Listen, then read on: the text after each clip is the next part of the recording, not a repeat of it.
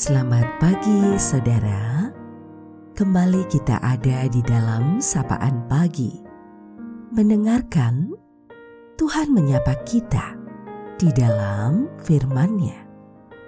Namun, sebelum kita mendengarkan sapaan dalam firman itu, mari teduhkan hatimu dan kita berdoa. Ya Tuhan, terima kasih untuk hari baru yang Kau berikan. Mengawalinya, kami berserah padamu untuk mendengar Engkau di dalam firman-Mu. Dalam Tuhan Yesus, kami berdoa. Amin. Saudaraku, sapaan dalam firman-Nya pada saat ini akan kita terima melalui bagian surat 1 Petrus pasal 1 di ayat 22b. Hendaklah kamu bersungguh-sungguh saling mengasihi dengan segenap hatimu. Kita akan refleksikan dalam tema hatimu. Saudara, ada sebuah pengalaman yang menarik saat hujan turun, sebelum masuk ke dalam becak, saya bertanya tentang ongkosnya pada bapak yang mengayuh becak itu. Sambil menangkupkan telapak tangan kanan ke dadanya, ia menjawab, "Monggo, saking manah kimawon, baditipun aturi pinten." Dalam bahasa Jawa, ia katakan demikian. Yang kurang lebih terjemahannya demikian. Mari, terserah saja dari hati mau diberi berapa. Di sepanjang perjalanan, saya merenungkan jawabannya. Dan ketika kemudian saya mencoba untuk merenungkan ulang tentang hal itu, saya tertarik dengan ungkapan dari hati saja. Mari silahkan mau diberi berapa. Dalam Kamus Besar Bahasa Indonesia, hati ternyata memiliki makna sesuatu yang ada di dalam tubuh manusia yang dianggap sebagai tempat segala perasaan batin dan tempat menyimpan pengertian, perasaan, dan sebagainya.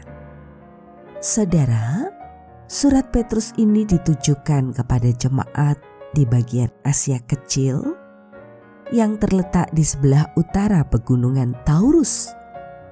Situasi saat itu menjadi Kristen bisa menimbulkan kesulitan.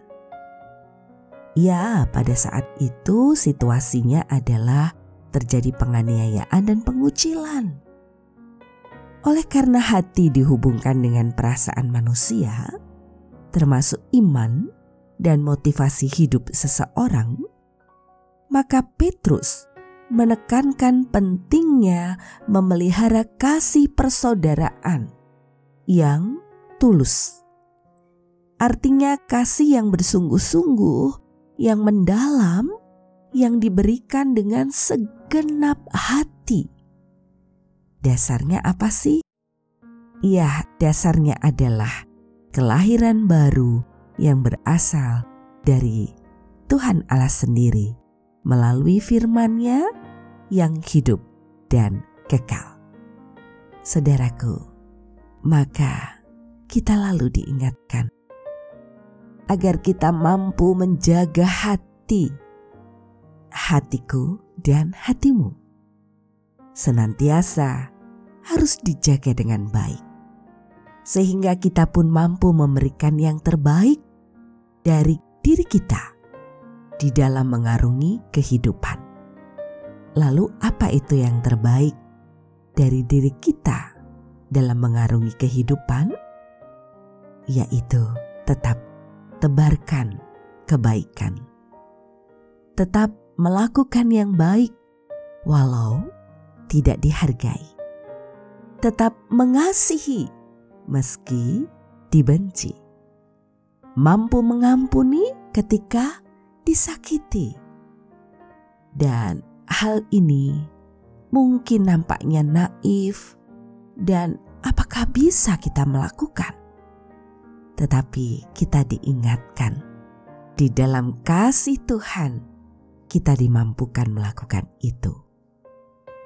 Bukankah Kristus sendiri sudah memberikan keteladanan tentang cinta dan kasihnya yang memberikan dengan sepenuh hati apa yang ia lakukan dalam kehidupan? Mari saudara, tetap tebarkan kebaikan, tetap mengasihi, tetap mengampuni dalam situasi dan kondisi apa pun. Seperti air mencerminkan wajah, demikianlah hati manusia mencerminkan manusia itu. Lakukan dalam hidupmu setiap hal dari dalam hati, dalam tulus dan cinta kasih sebagaimana Petrus pesankan, hendaklah kamu bersungguh-sungguh saling mengasihi dengan segenap hatimu. Tuhan merengkuh dan menopang kita. Kita akhiri sapaan pada pagi hari ini. Mari kita berdoa. Terima kasih Tuhan untuk pengajaranmu yang telah kami dengar. Engkau mengingatkan agar kami terus melakukan yang baik dan berkenan padamu. Dengan hati yang penuh ketulusan dan cinta kasih. Yang terus mampu melahirkan kekuatan hidup dalam pengharapan. Engkau terus mengingatkan kami agar menebarkan kebaikan, cinta kasih, kami sadar akan keterbatasan diri, namun kami percaya Engkau yang menuntun, menopang, dan memampukan. Karena itu inilah kami Tuhan, dengan sepenuh hati kami belajar untuk melakukan keteladanan hidupmu di dalam laku hidup kami. Dalam Tuhan Yesus, sumber cinta kasih, yang sejati yang menjadi juru selamat kami, doa ini kami naikkan. Terima kasih ya Tuhan. Amin. Saudaraku, demikianlah sapaan pada pagi hari ini. Terus dengarkan Tuhan menyapa kita di dalam firman-Nya.